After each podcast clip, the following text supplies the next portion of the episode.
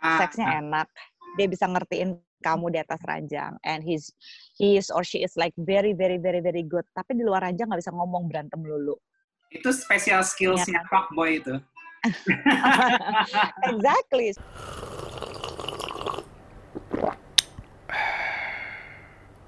Apa sih tujuan seks? Tujuan seks itu kan uh, as simple as satu reproduksi. Hmm. Tapi kalau cuma reproduksi aja berarti sama aja kayak kita kayak kucing dong gitu. Ya. kayak binatang. Binatang kan tujuan seksnya reproduksi doang.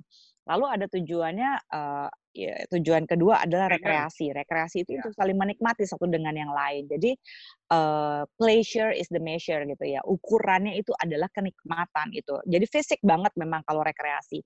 Dan ketiga yang membuat kita paling manusiawi adalah relasi. Jadi Connection, ya. tujuan seks itu ketika bisa membina koneksi, bisa membuat merasa dicintai, bisa lebih hangat gitu ya. Intimate juga bukan masalah seks doang loh. Intimate itu masalah sentuhan, kasih sayang, pelukan, ciuman gitu. Itu hal-hal yang berhubungan dengan kemesraan gitu jauh sebelum seksnya. Aku ngeliat malah memang eh, apa eh, making love or have sex bagian dari komunikasi antar partner sih.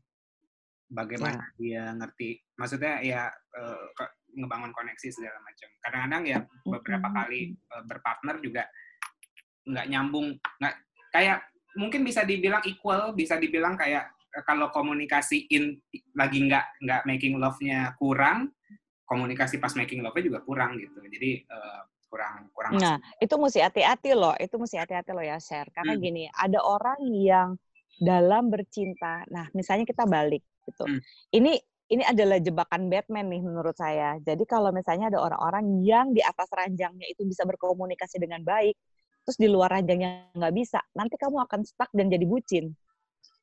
Ah, Seksnya ah. enak, dia bisa ngertiin kamu di atas ranjang, and he's he is or she is like very very very very good. Tapi di luar ranjang nggak bisa ngomong berantem melulu.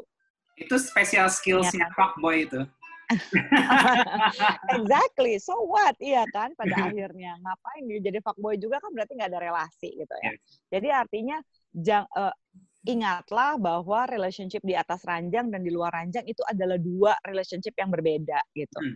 Bagusnya dalam pernikahan kita punya dua-duanya relationship ini kalau kata Barry McCarthy gitu ya dalam eh, bukunya The Sexual Desire. Hmm. Memang semua orang memang punya eh, eh, apa namanya eh, sexual relationship style yang berbeda dengan relationship style di luar ranjang yang yang yang dia aplikasikan gitu. Jadi kalau misalnya kita cuma ngandelin wah kalau di sebelum ini aja sebelum seks aja udah nggak bisa diajak ngomong jangan-jangan di atas ranjang nggak ini juga nih ada yang di di luarnya berantem dulu nggak bisa diajak ngomong begitu di ranjangnya asik banget gitu. Aku aku Ya, tarik kayak lagi. gitu-gitu dijadiin ini aja deh jadi jadi ini aja jadi buddy aja yang gitu-gitu mah Jadi call aja ya. jangan dibaperin.